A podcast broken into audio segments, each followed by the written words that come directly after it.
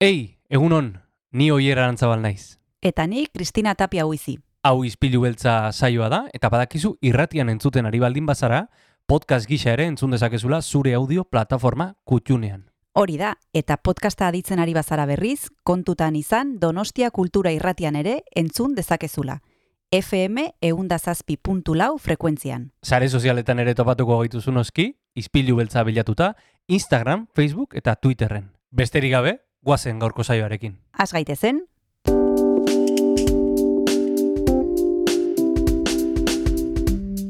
Ispilu beltza. Donostiako kulturaren berri, Oyer Arantzabal eta Kristina Tapia buizirekin. Egun honen zule guztaliak amaika ditu astelena da, eta aste berri bat ek ekitera goaz, ez dakit ondartzatik ari zaren entzuten izpilu beltza, ez dakit eh, lanean zauden, baina tira gu zurekin eh, goiz eder bat partekatzeko prest gaude.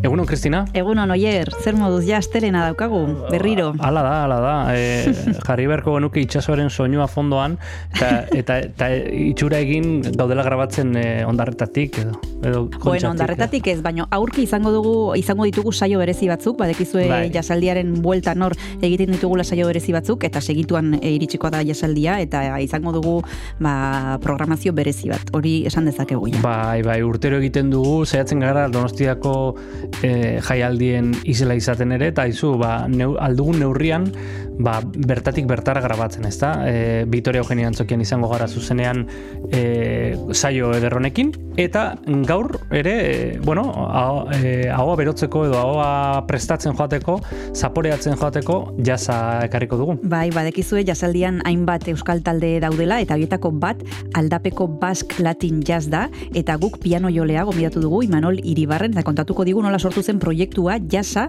e, euskal musika eta e, jazz latinoa uztartzen dituen ekimen hau, ba, hori nola sortu zen eta zein den e, eskainiko duten kontzertua jasaldian aurten. Eta gainera aztelena denez gero, Mikel Iturria ere gerturatuko zaigu agendaren berri emateko. Agendari errepaso bat emango diogu kultur periskopiotik begira.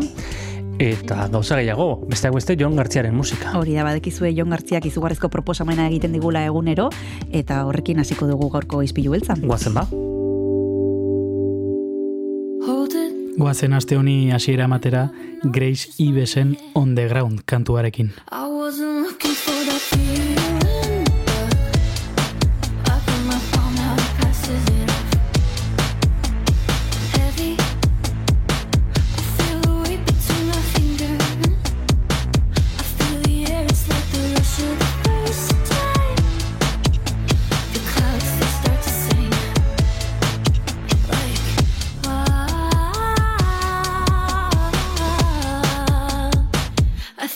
left it on the ground.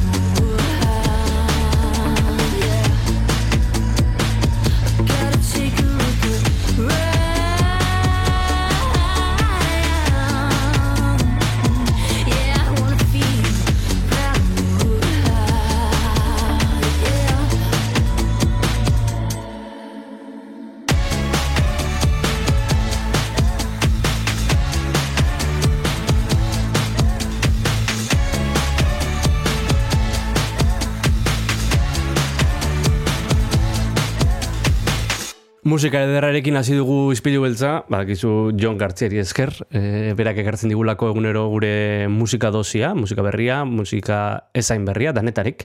Eta orain, astelenero bezala, kultur periskopioan murgilduko gara Mikel Iturriarekin. Kultur periskopioa. Eguno, Mikel. Egun oier, eta entzule guztiak. Bagoaz e, kultur periskopioan murgiltzera, e, oi, oikoa dugun bezala, ba, bueno, pixka bat, agendaren mapari begiratzeko. Agendari begi erreparatu behar diogu jakiteko zer egin, ez da? Hori da, hori da, eta e, beti daukagu e, zer e, aukeratua. Gaur e, aste honetako jarduerak e, jorratuko ditugu eta datorren astean opor aurreko azken saioa izango dugu beraz bertan e, ba irailaren e, irailera bitarteko ekitaldi nagusiak ganbigiratuko ditugu oporretan gauden bitartean abuztuan. Eta tira guazen astera beti bezala antzerkiarekin. Bai, guazen antzerkiarekin, e, aurreko asterenean aipatu genuen Goio Jimenezen trilogia, eta gaur, ba, Victoria Eugenia Antzokian, ostegunetik igandera, izango dugun beste ikuskizun bat, kaberet eh, bat, The Whole, e, e, The Whole Isha, The Whole X edo ez dakit nola, nola esan. E, bueno, da, izango nuke irugarren aldia dela, donostia entortzen dela e, konglomeratu hau, The Whole Saga, amar urte bete ditu, eta bain hori espatzeko ba, show berri bat prestatu dute, eta ba, bueno, ba, jatorrizko de hall guzti horien esentziero berreskuratu, e, hiru edizio horietan parte hartu duten pertsonai esanguratsuenak edo geratu dira eta ba, bueno, nahiko ondo saltzen ari da eta bueno, uste dute jendea gustoko dutenek ba izango dutela aukera hau ikusteko, ez? Ordutegiak, ba bueno, adi ordutegi, ez? Ostegunean 8 terdietan izango da saioa, eh 15 eta 16an bikoitza izango da eta 17an azkenik 6etan. Eta prezioi ere erreparatu zen merkeagoak dira, amaloko funtzioa, eta amagosteko seiterditakoa, euniko giko deskontua dute, eta azpimarratzeko azken nabardura, ba, ikuskizuna ez da lamasi urte zazpiko entzat gomendatua.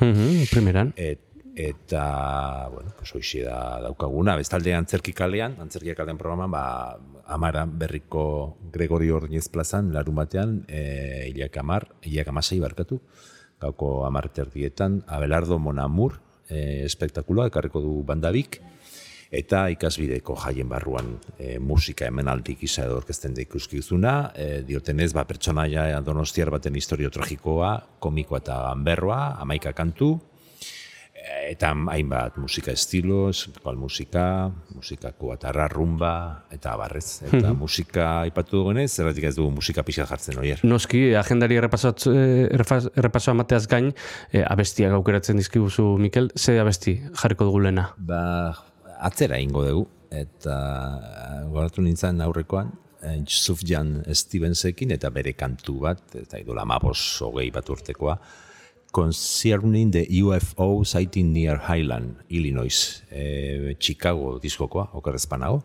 Oso, no? eta gozen kanta hau entzutera. Guazen entzutera eta segidan gara bueltan hemen izpili beltzean, Donostia Kultura irratian.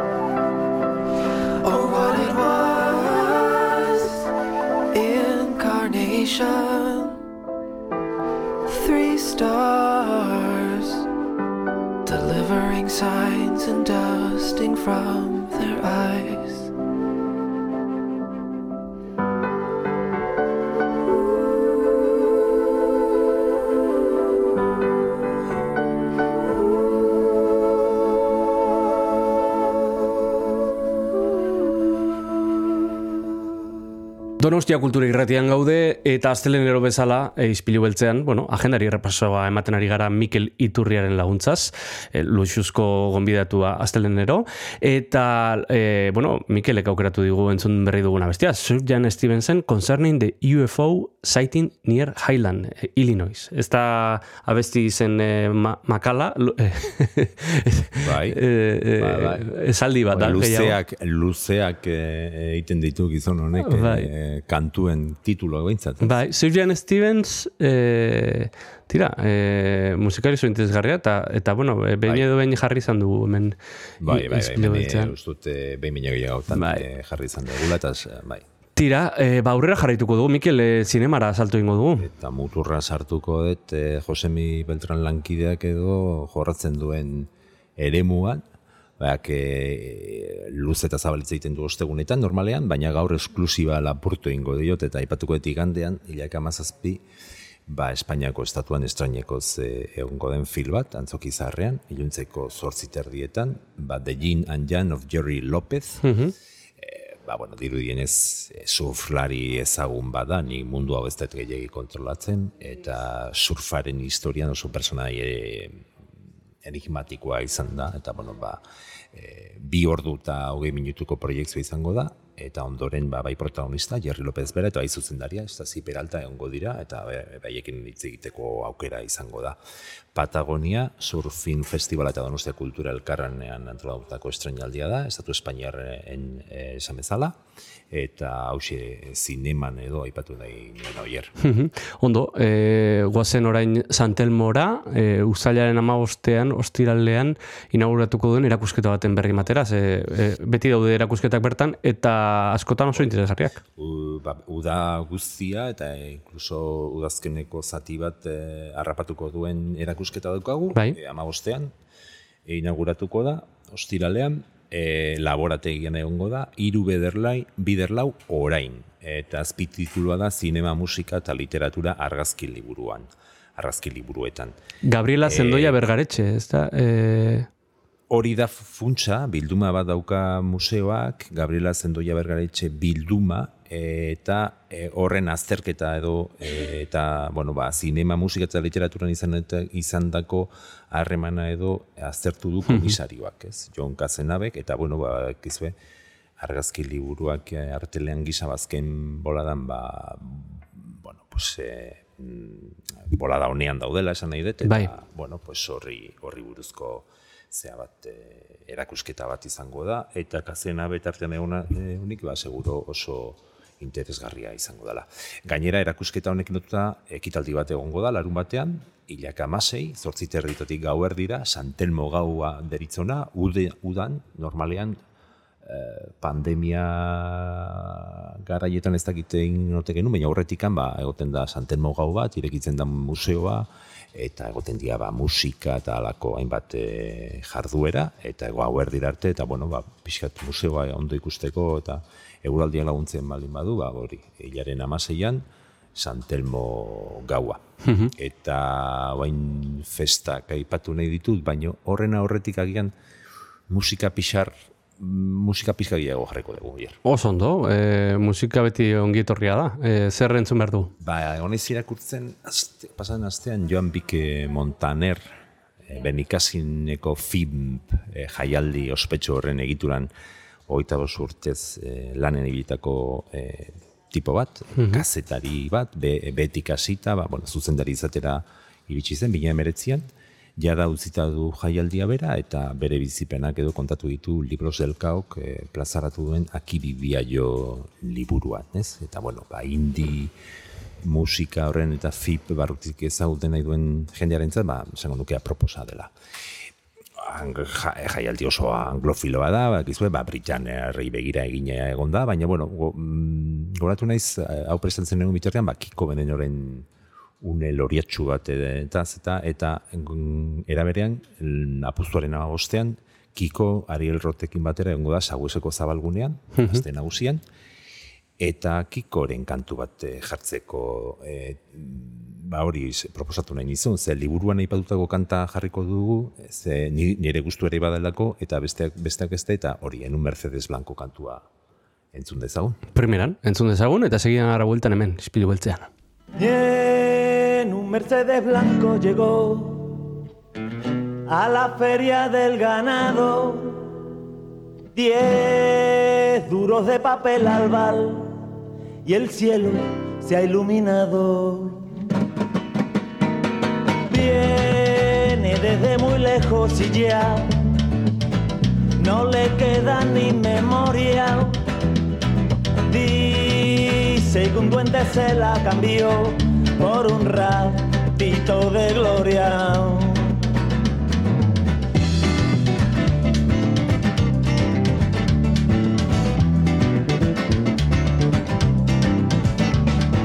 Y un Mercedes blanco llegó de lunares el pañuelo todos los chiquillos detrás de él y siempre va mirando el suelo. Qué pena de muchacho le dicen la gente en los bares cuando juegan a las máquinas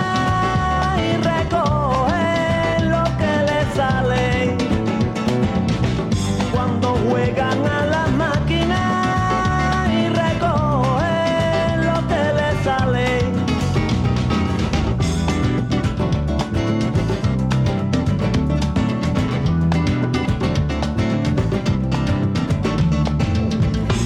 Tres reyes van en un barco, son tres leyes y un secreto. Ni ruinas, ni ceniza, ni papel que lleve el viento. Ponme, ponme esa cinta otra vez. Pónmela hasta que se arranque. Los cachitos de hierro y de cromo a cantar como tú sabes. Qué pena de muchacho le dicen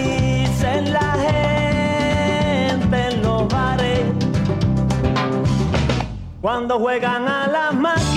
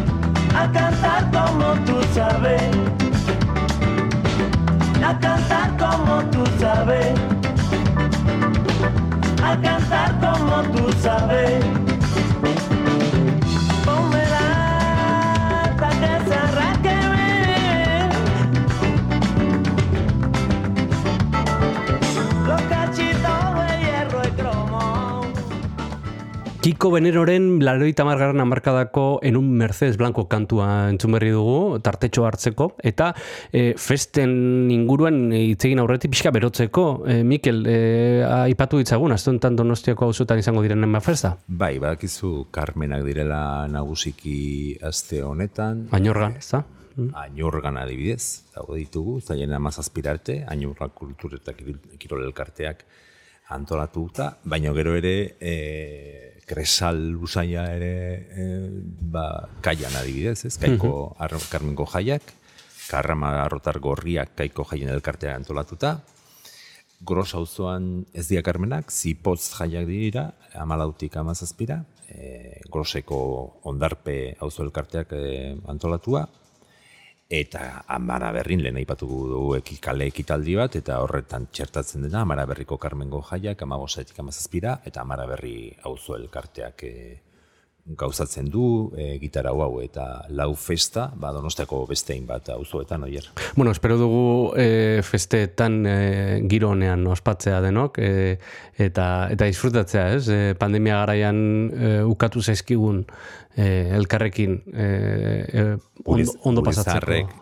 gure zarrek esango luketen bezala, pakian, eh? pakian, festak eta pakian. Eh? Pakian, pixkat, eh? pakian eta ondo pasatzen, ezta? E, Hori da. Bueno, eh, espero dezagun ala izatea, eta gu orain eh, Mikel sartuko gara azken txampan da. Azken txamparak utzi hoi ditugu aurrak dituzten familientzako planak. Hori da, joan den astean aipatu genuen nola uztailaren batean hasi zela urguleko hiru zentroetan udako programazioa eta berriro azpimarratuko dugu hau, ba, azpuztuaren hogeita mar arte egongo dela zabalik, hiru zentroiek egongo direla zabalik, debusen hogeita maretzi zenbakia ere ba, martxan egongo dela, eta zeintzu dian hiru zentroiek, bat damen baterian dagoen liburutegia, Bai? Donostia Kulturako liburutegi zerbitzuak kudeatzen duena, Naturtxokoa, gobernadorearen baterian, hau Kristina Enea fundazioak kudeatzen du, eta gero Santelmok badauka mota gazteluko historiaren etxea, eta bertan ba, iriari buruzko donostiari begira erakusketa e, dau, daukagu. Eta azpimarratu nahi nuena aurren eringuan da, azterenetik ostiralera seietan,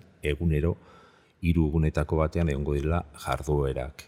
Aztelen eta ostegunetan liburutegietan, liburutegian barkatu, aste arte eta aste azkenetan naturtxokoan, eta ostiraletan berriz historiaren etxe.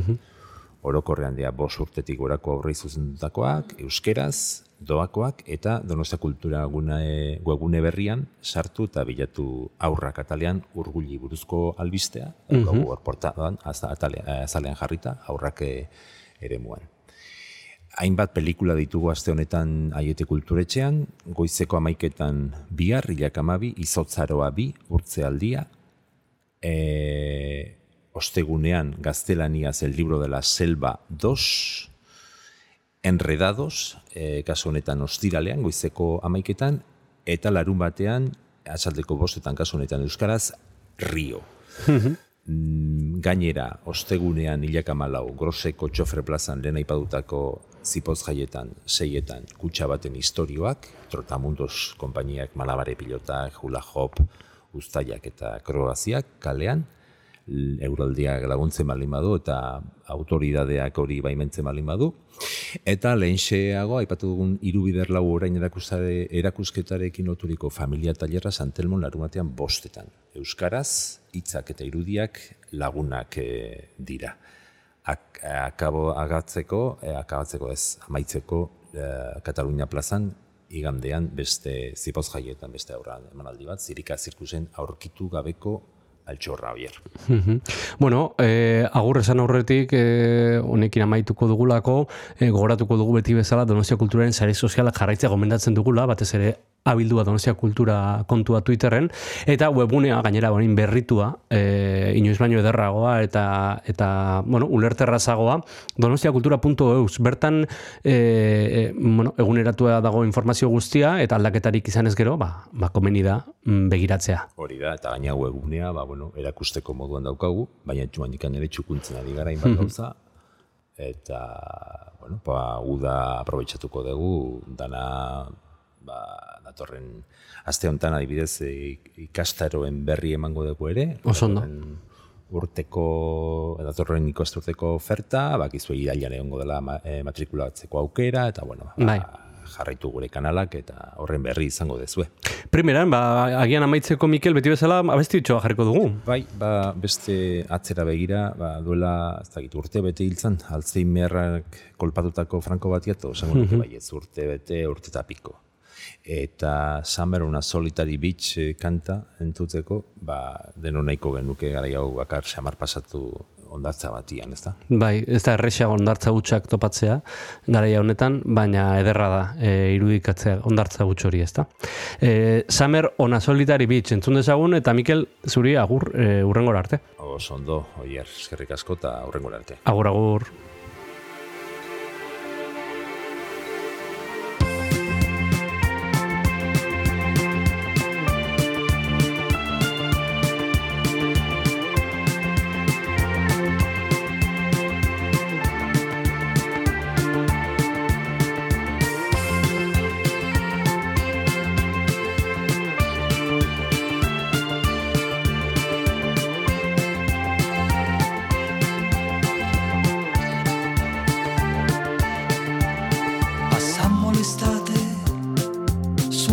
Su una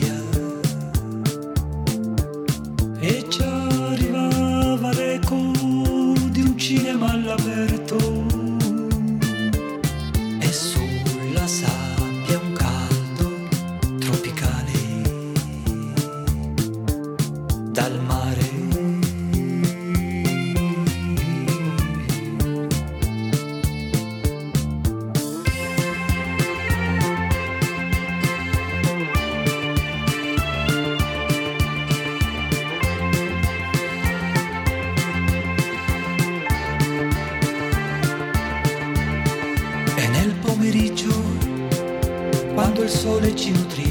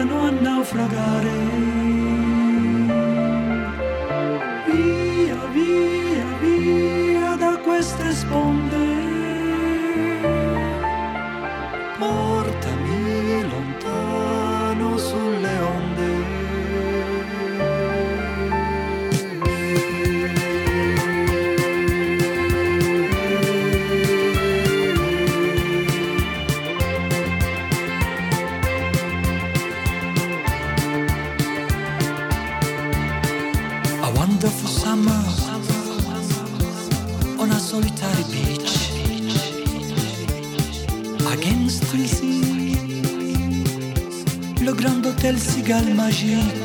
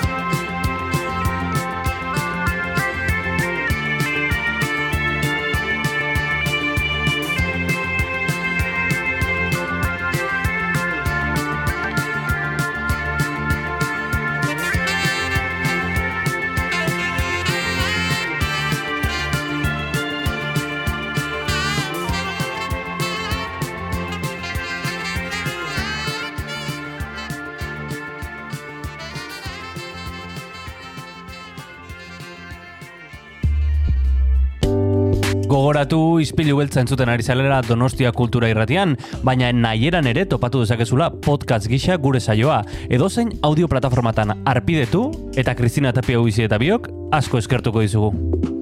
Orain jarrai dezala saioak.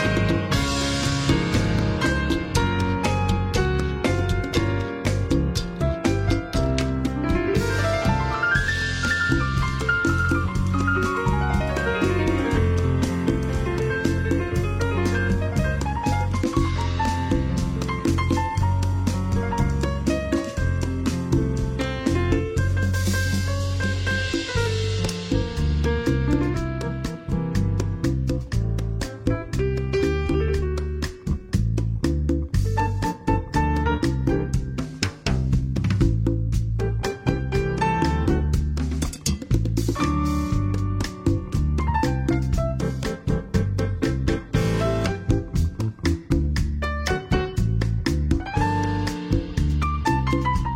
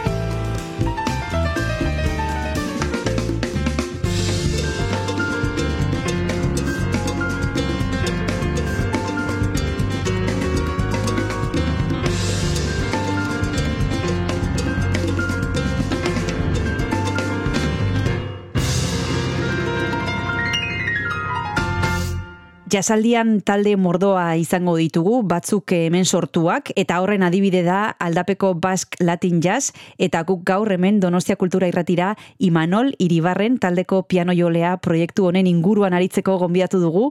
Egunon Imanol, zer modu zaude? Egun hon, osan da. Eskerrik asko gonbetagatik. Zuekin hitz egiteko gogoa geneukan, ze izenean ja e, ikusten zaizue nondik, e, nondik e, nahi duzuen zuen bidea egin edo, eta azteko jakinaiko genuke Imanol e, kontatzea nola sortu zen proiektu hau sor, egiteko aukera. Ba, bueno, ja badira urte batzuk, ba neko honetzala e, Holandara masterra ikastea, ez? Eta, eta bueno, tromboi, e, ja tromboiko master bat e, ikastea, baina han bertan aurkitu nintzen, jo, musika latinoa asko lantzen zala, eta, eta orduan, bueno, ba, bertako tesian ala pizkat, e, nire ideia guztiak, buruan zeuden ideia guztiak naztu nituen, eta denbora asko pentsatzen, eta enekin dola, eta papatianan, ba, sortatutan, hau ez, e, musika latinoa, euskal musika, nire musika e, dalanik ez bauten detena, jafa ere, eta orduan, e, han tesian, ba, pentsatzen, jo, nire jatorria, e, ikasten nahi nahi musika, gustatzen zezkire musika, eta bizkat dena elkartuta, ba, hola sortutan. Eta nola deskribatuko zenuke gaur egun e, zuen musika? Zaipatu dituzu mototako, mota batzutako musikak, e, latinoa, euskalduna, jasa, eta hori dena nas, nasi e, ondoren emaitza zein dan? Zein, nola esango zenuke dela zuen musika? Ba, ba, kuriosoa egia esan. Bai, dakala, e, emaitza bai dala, nahiko e, musika latina, latin jazza da, azkenean, eh? Eta latin jazzean beti daude ritmobiziak, bai, improvisazioak, baina dakan berezitasuna bai dala, e, euskal jendearentzat, bai, abestiak e, daukatela kutsu bat, ba, zera, familiarra, familiar kutsu bat, ez? E, ze melodia, erabiltzen ditugun melodia guztiak, bai diala oso ezagunak. Eta kontatu iguzu, Imanol, e, nor gehiago dagoen proiektu hontan e, zu zaude e, eta zurekin hitz egiten ari gara, baino nor gehiago osatzen dute? Ba, e, txist, bueno, gure zerbirezitasun handinetako bat da e, txistoa bakagula taldean, mm -hmm. talde batean txistoa egotea bat beskat, baita la berezia. Mhm. Eta txistuan begu peio irigoien, irundarra, e, bakotzen dula, pe, e, bueno, txistua, dultzaina eta trompeta. Orduan, instrumenta galatzen joten da, eta horrekin baten digu ere aukera e, pixkat, ba, irikitzeko, ez? E, bueno, instrumentazio aldetik, ba, pixkat aldak, aldatzeko. Gero, e, trompetan asier ardaiz daukagu, e, iruñatik, e, beste bi nafar tromboian ere, Álvaro, Álvaro Jarauta eta Inigo Korao, eta gero kuriosoa da, da, e, basean ditugula hiru atzerritar, e, baterian Manu Pintzon e, Uel Batarra, gero Eva Katala Valentziarra e, kongetan, eta baita Patricia Mantseño e, Valentziarra ere, e, basua jotzen. Gukiaz hemen hasier ardaiz izan genuen, e, jasaldianen arira berak e, kontzertua eskaini zuen. Aipatu duzu Imanol gauza bitxi bat, eta da, e, atzerrira joan zinenean, hasi zinenean, hasi zinela pentsatzen, e, ba, bueno, zuk ere jorratu altzen ula, zuek ere jorratu altzen utela, e, musika mota hau latinoa, eda, em, atzerrira joateak e, perspektiba ematen dizu, eta agian horrek lagundu zizun pixka bat jakiteko zein bide hartu? Ba, baliteke, bai. Ze, lehenagotik, bai, bueno, hemen neon, eta, bueno, bai, musika joten du, musika desberdin asko.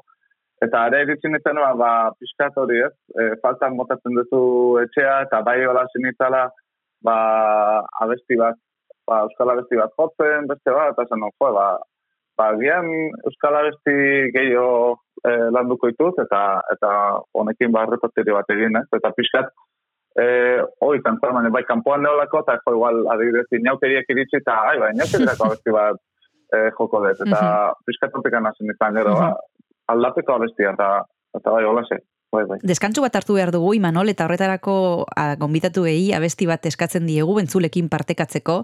Ezakit e, zuen taldeko zerbait entzun dezakegun? Ba, adibidez, bueno, gure taldeari izena ematen dion abestia entzun dezakegu, aldapeko. Primera, magoazen entzutera.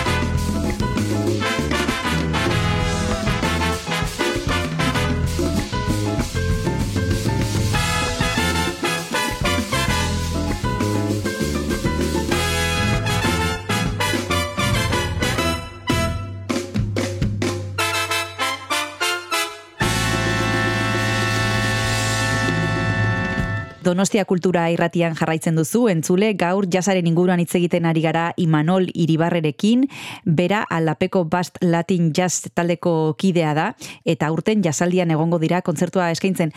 E, Imanol, nola jaso zenuten e, deia non esan zizueten, ba, jasaldian egongo zinetela urten? Bueno, ba, esan za, e, urte batzuren ostean, azkenean jazaldian joteko aukera izango dugu, eta izan da, bo, pizka aurkeztu nulako bertan jazaldian, eta tokiko taldeen hautaketa prozesuan Bai. sartu ginen, eta, eta azkenean, bueno, bai, e, e, emaiez jaso genuen hautatok izan ginela, beraz, hori. Eta zer suposatzen du jasaldian egoteak zuretzat eta talde guztiarentzat e, e, eskaparate polita daukazue, baina ezakite, ba, igual txikitatik ezagutzen duzuen jaialdi batean ere egoteak ezakit zer suposatzen duen zuentzat. Bai, noski, bai, jazaldia gaina e, oso berezia da, bai, e, hemen donostian gaudelako, ez, monian da indarra naiz, hemen ondoan, eta Bai. txikitatik ezagutzen dut, e, baita egia esan, jazaldian jotanago desentzetan, bueno, desentzetan ez, baina, bai, lehen gozen adibidez, e, asieraz baitekin, bere proiektuan barne, e, baita aurreko urtetan musikeneko Big Banarekin, e, eta beste proiekturen batekin, eta eta oso polita da beti, baina nik uste oraingoan niretzat bereziki oso berezi izango dela, ze nire proiektu propioa aurrera eramaten dut, ez? Eta nire musika ere bertan jotzea eta jendeak entzutea, ba, bai, e, ilusio betetzen hau, bai. Andoa endarra izan da, donostia oso gertu daukazu, eta nik ezakit gogoratzen duzun zein kontzertu ikusi zenuen lehenbiziko aldiz e, jasaldian, edo ze artista izan zen e, markatu zintuena, gaztetan, edo... Ba, egia esan, ez nahi gogoratzen, ez gogoratzen, baina bai, gurasoekin txikitan beti, bueno, e, donostiara pasatzea juten ginean, ez, eta eta jazaldian, ba, egunero, eta klar, nik izenak eta ez, ez ditu gogoratzen, baina bai, egunero pasatzen ginela kontzertuetatik, eta eta ikusten jatzen ginela, bueno, ni piano jotzen nun, eta nire eta beti e, ba, eramaten ninen kontzertutara, eta jazaldi hau zita, ba, bai, bai beti denik hori, e, gelitze ginela kontzertuak ikusten, eta, eta baina bai, egia zen, ez, ez dutela gogoratzen, ze, ze kontzerturen bat ala bereziki, baina bai, bai, e, hori bai, kamis, urtero jazaldeko kamiseta erosten genula, eta, eta hor ditutela batzuk, eta bai, beti denik horrekin.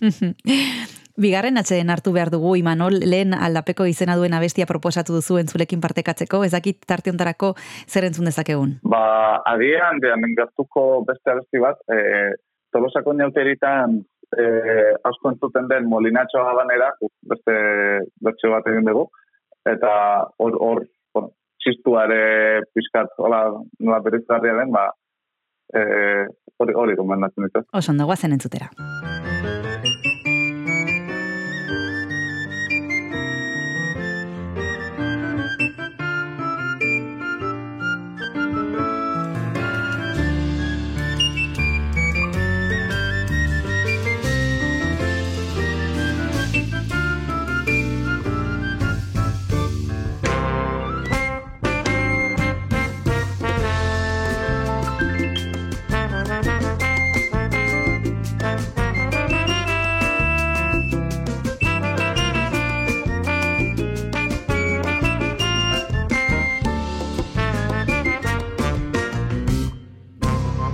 Música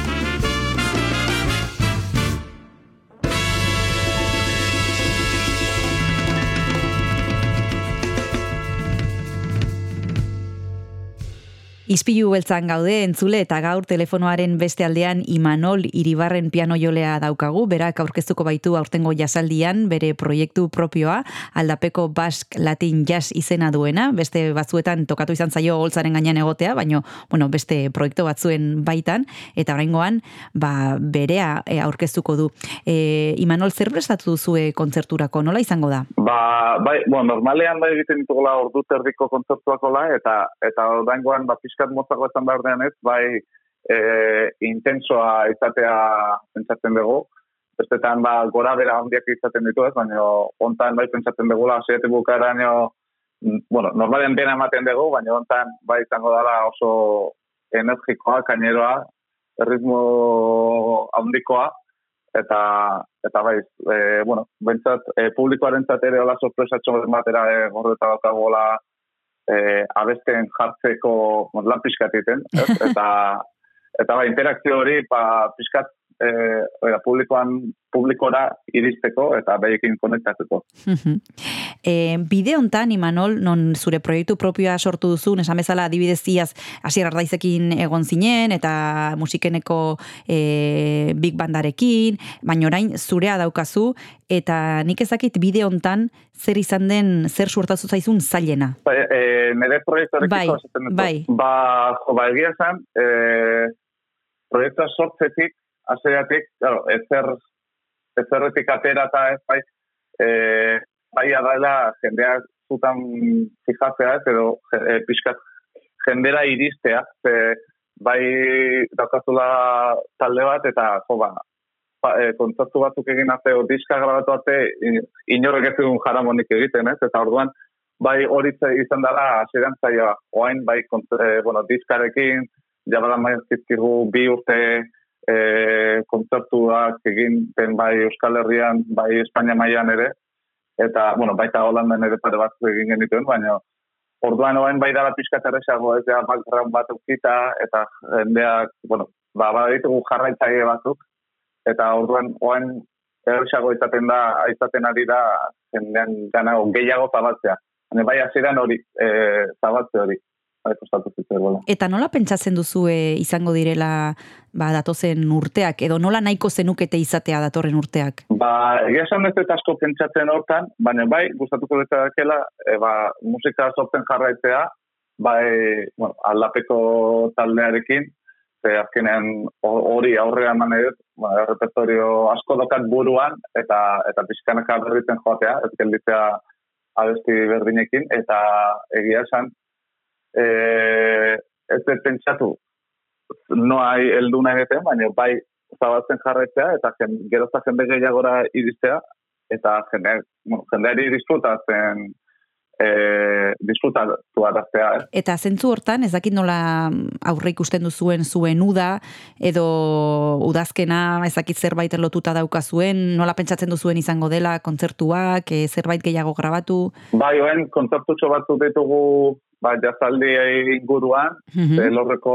jazz, e, e, lorri jazz, musikaire, bai, e, bueno, e, zean, e, no, esatea, festivalean, o, bueno, bai jotzen dugu, e, baita Zumaian ere jotzen dugu, e, gero Nafarroan dugu ja, bueno, e, dugu kontzerturen bat itxita ere e, e, udazkenerako, eta hortze gaude, oan pixka, e, uda, hau, aurtengo udara pixka lasaiago izango dugu, baina, bueno, ja udazken aldera, bai, prote espero degula, eta, eta baita ere e, beste abesti berriak grabatzea eta zabaltzea. Ba, zuen zain geldituko gara, guk eh, Donostiarrok eta Donostialdekok aukera daukagu zuen musikaz eh, disfrutatzeko, aldapeko Basque Latin Jazz, eskerrik asko, Imanol Iribarren izpilu beltzara hurbiltzeagatik eta bezarkada bat zorte hon. Bai, eskerrik asko zure.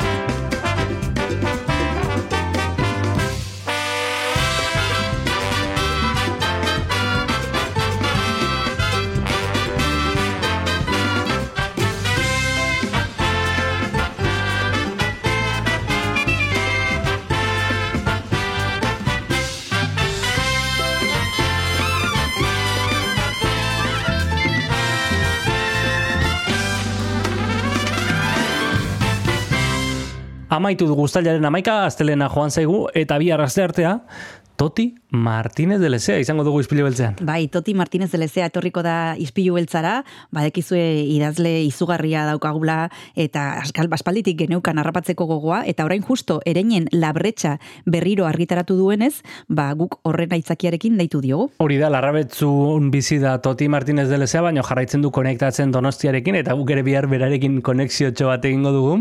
Eta noski bihar asteartea denez gero, kresalako lagunak etorreko dira, Janet eh, Diez etorko zaigu, Kresala zinemako kidea, Jon So eta Ryusuke Hamaguchiren inguruan hitz egiteko, bi zuzendari hauen inguruan. E, nola ditzen zara, Kristina? Bai, badekizue, esan genizuen, e, kresalak ez dituela e, proiekzioak e, uztailean, eta orain egiten ari gana da, pixka bat e, repasatu e, urteko pelikulak, eta Bai. beraiei gustatzen zaizkien zuzendari batzuk, eta zuk esan bezala, e, Ego Koreako eta Japoniako zinemagintzaren inguruan arituko gara, Janet Diezekin, eta hain zuzen ere, ba, bi zuzendari hauen inguruan. Bueno, hori bihar izango da, gogoratu gurekin konektatu dezakezuela Donostia Kultura Irratiaren uginetan, FM 107.4 frekuentzian, edo, edo zein audio plataformatan, bertan arpidetu eta lagun artean zabaldu. Besarka da, Kristina. Aio, bihar arte. Agur, agur.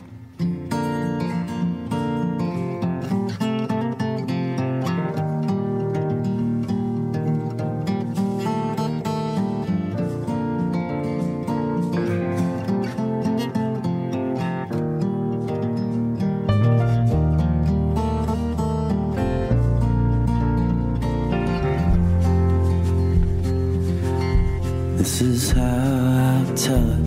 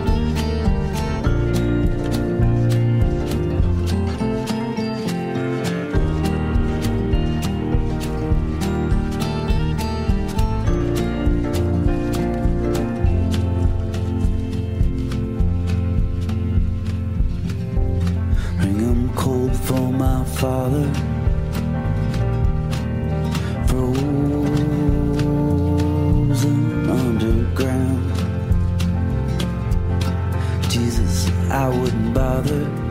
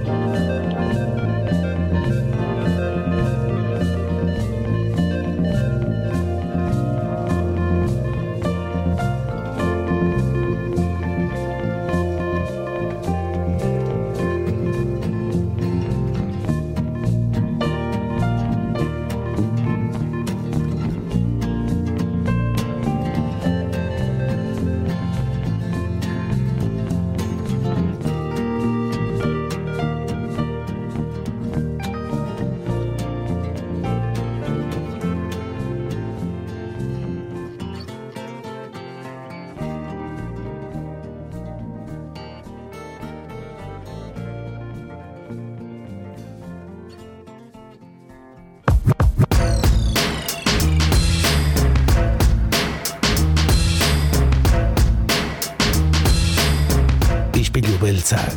Donostiako kultur paisaiaren isla da Donostia Kultura Irratian eta zure audio plataforman Spotify, Apple Podcast, Google Podcast eta irratia.donostiakultura.eus webgunean.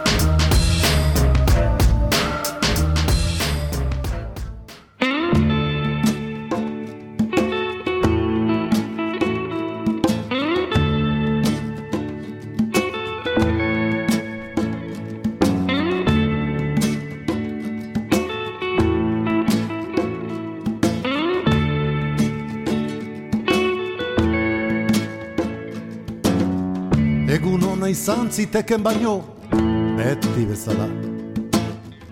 Lainoa zabalido, itxaso gainean. Tripa zuri ego grise, zurrunbiloan. Gorpuzkinak jaten dituzten artean. Esaidazu, gezurretan nahi naizela.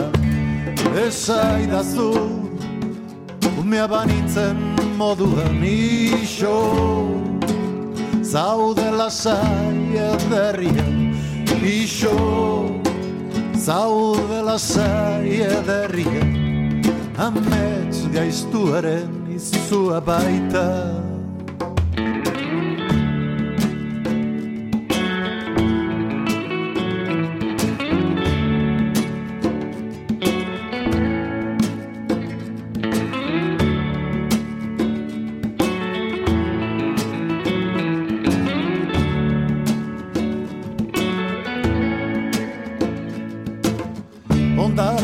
galduriko iru edo lau baino zale Barne erakusten striptiz lotxagaben Giro zamatxu berunezko aizea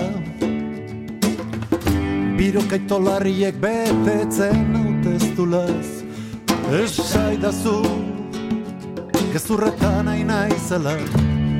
Esaidazu umea banintzen moduan Ixo zaude lasai ederrian Ixo zaude lasai ederrian Amets gaiztuaren izua baita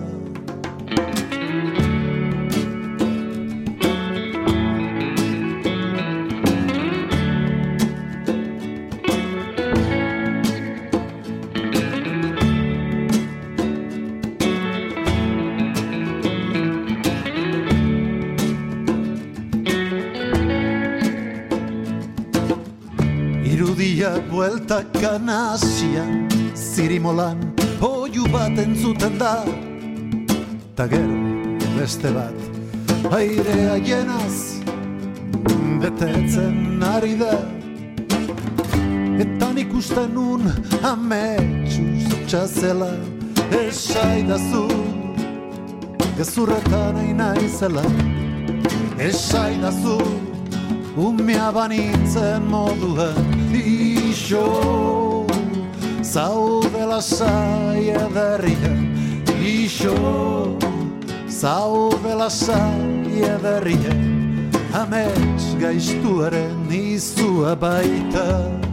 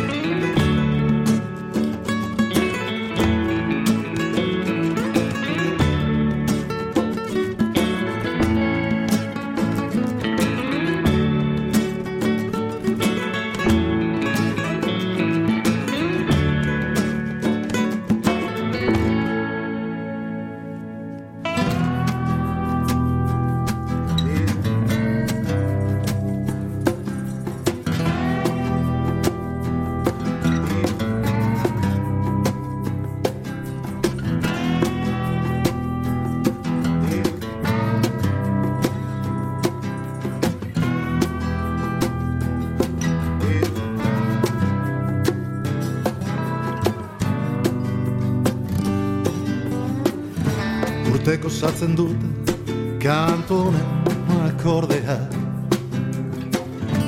Elo hain ezagunata, hain estilo gurea.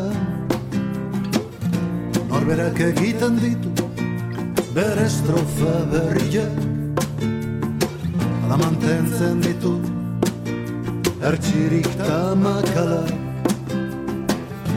Denborak bastartzen ditu inguruko lagunak Ardundua eta gaztaia denboraz egiten da.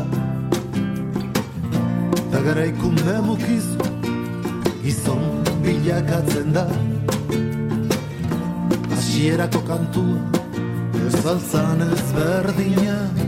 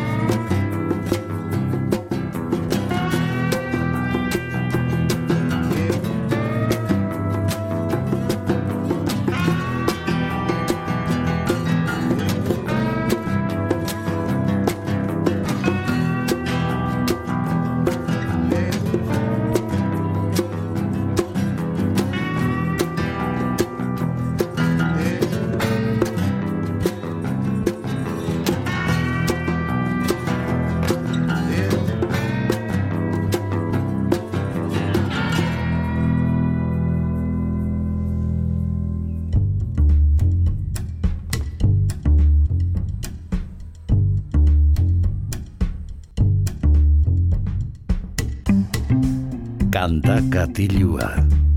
Jon Gartziaren eskutik Egun honen zule ongi etorri gaurko kantakatilura izpiu beltzari amaiera materagoaz musikarekin. Eta gaurkoan ere beste disko bat entzungo dugu, berritasun bat. Gustatzen zaigulako ba, pixkanaka hemenetango musika deskubritzea. Aitor Rubio kantautorea izango dugu gaurkoan. Disko berri atera baitu argizpiak izenekoa eta alaxi hasten da heldu nazazu kantuarekin.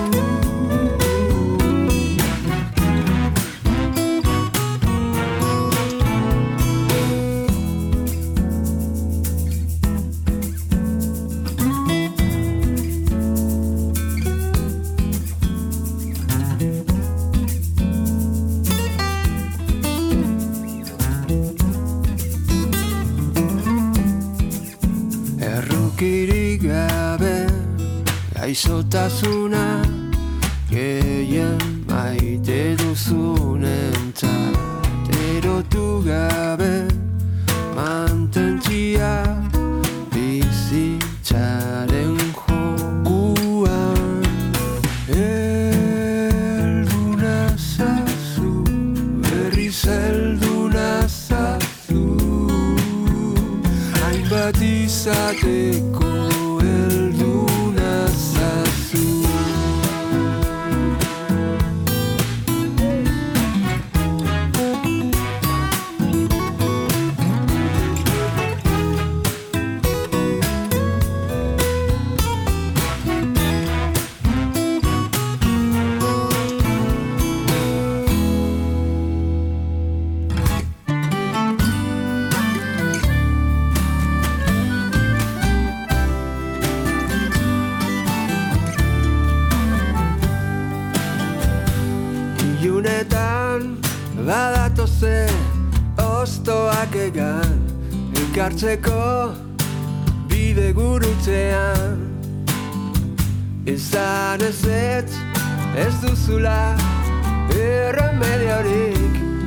argia Dantzan daude berriz.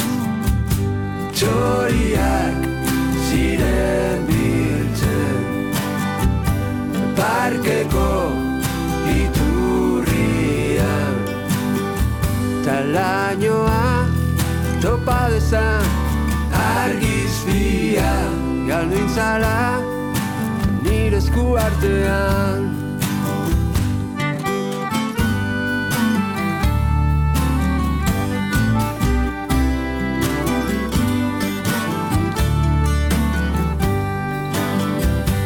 Karetatik banoala Barreiten bakarrik Egin didazu Keinuagatik. Nire itzala Galdu iten da Bilboko kaletan Izateko Zeukan esperantza. Txoriak Ziren biltzen Parkeko iturrian Talainoa topa dezan Argizpia. Galdu intzala Nire esku artean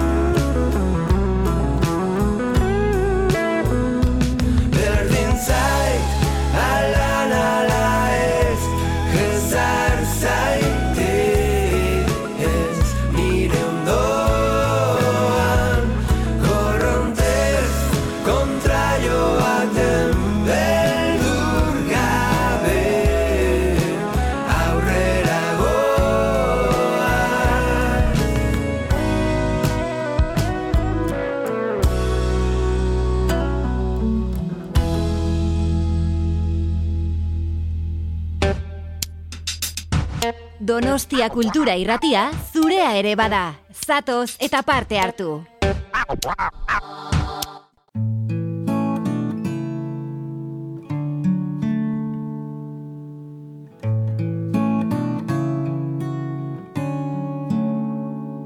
Azteko zeruak izarren muzuak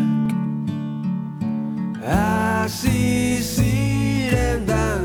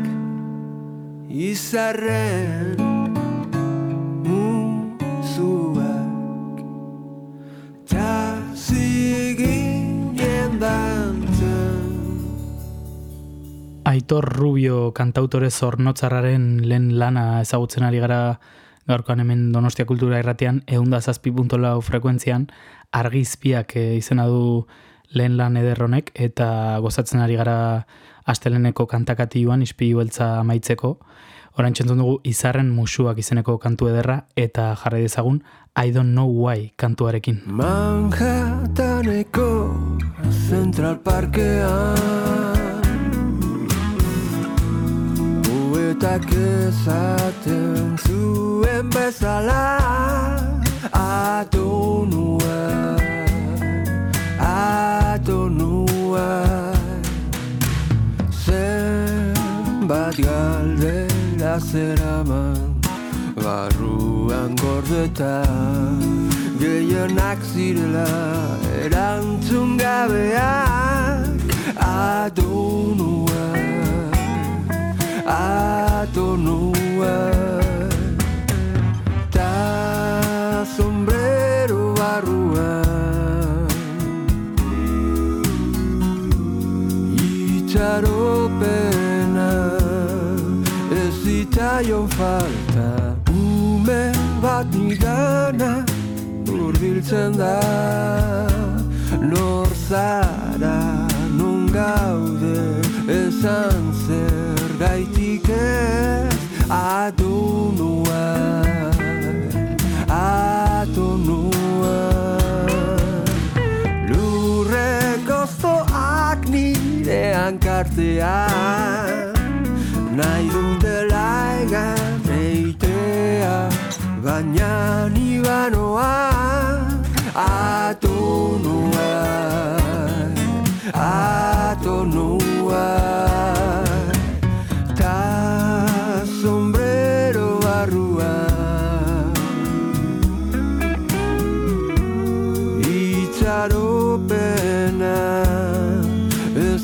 zitzaion falta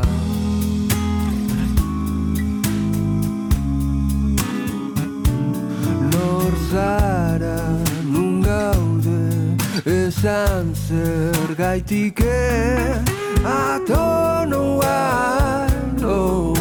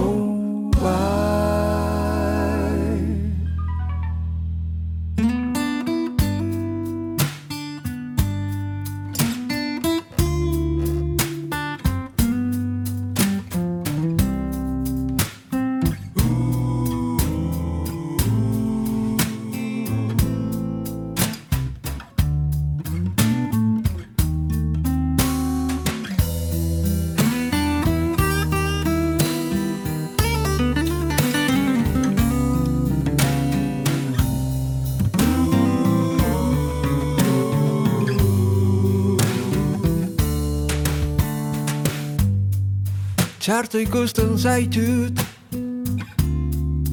Erritmoa amaten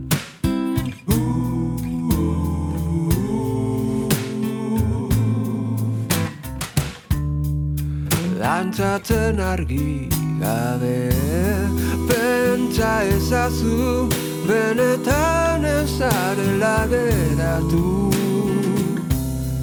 Izar gabe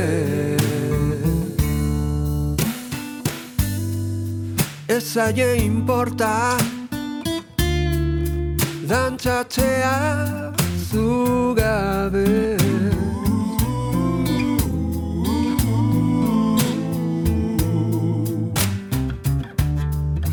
Oituta zaude da ere Ezin pentsatu Azkenean zarela geratu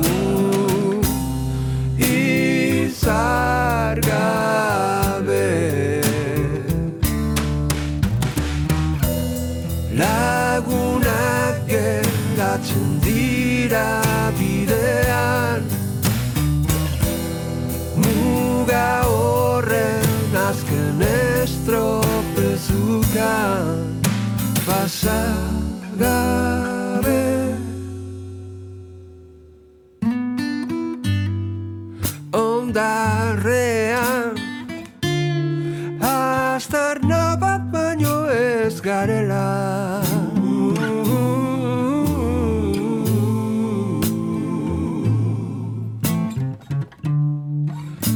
plaza mortu honetan.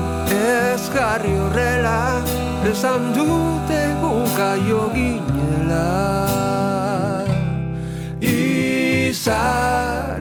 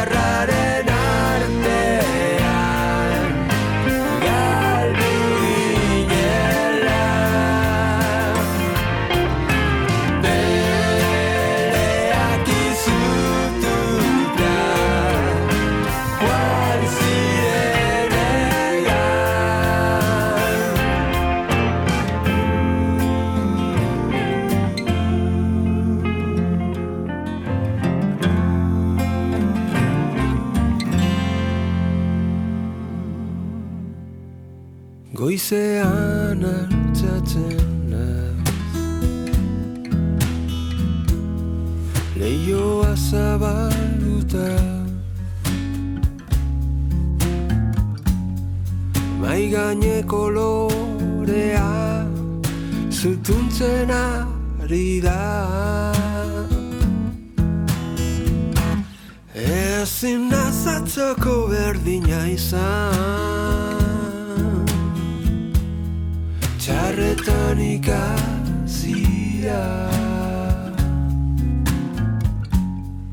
Jauzi altza eta jauzi Eta altzatu berri.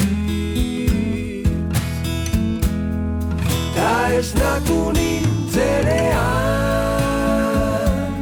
Atzoko egia gaurko gezurrak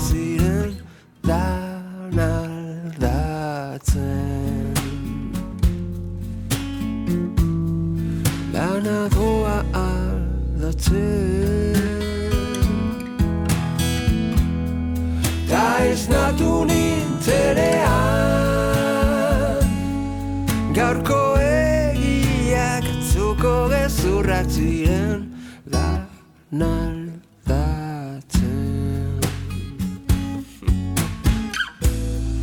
Dan aldatzen Maite zintudan baina Dana doa aldatzen Maite zintudan baina Dana doa aldatzen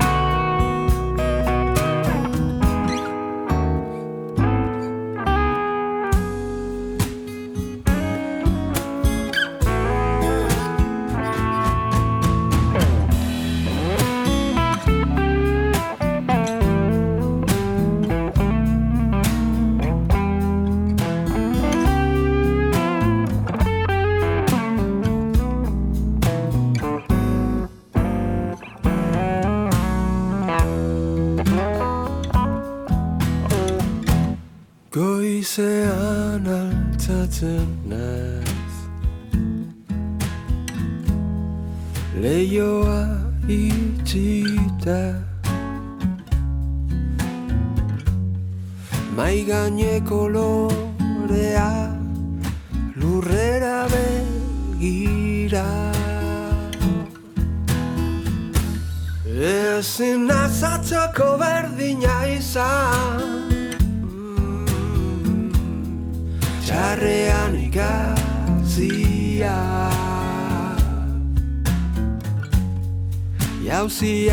altza eta jauzi eta altzatu berriz Ta ez natu nintzenean Atzoko egiak gaurko gezurrak ziren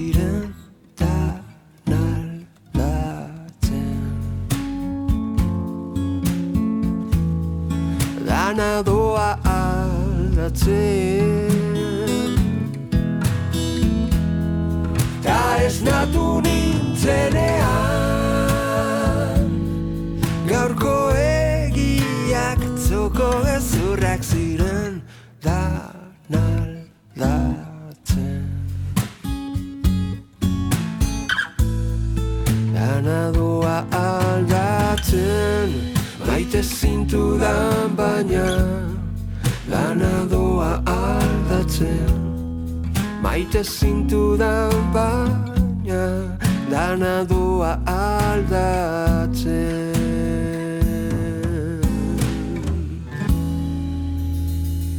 Amaitu da gaurko zizpilu beltza, amaitu dugu asteleneko saioa, eta entzun dugu Aitor Rubioren argi izpiak izeneko disko bikaina, aldatzen kantua entzun dugu eta azkeneko bat geratzen zaigu astelenari amaiera emateko, bero bihotzean izenekoa, orain txentzungo dugu, eta gu bihar izango gara bueltan musika gehiagorekin, beraz, bihar arte.